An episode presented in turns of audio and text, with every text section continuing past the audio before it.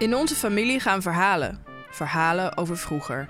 En dan vroeg ik wel eens van, eh, ja, wat deed hij dan precies? Ja, dat wist hij niet. Politiemensen hadden geen goede naam na de oorlog, omdat ze natuurlijk betrokken waren bij de vervolging van Joden. Oh, is papa er ook? Papa zit op de wc.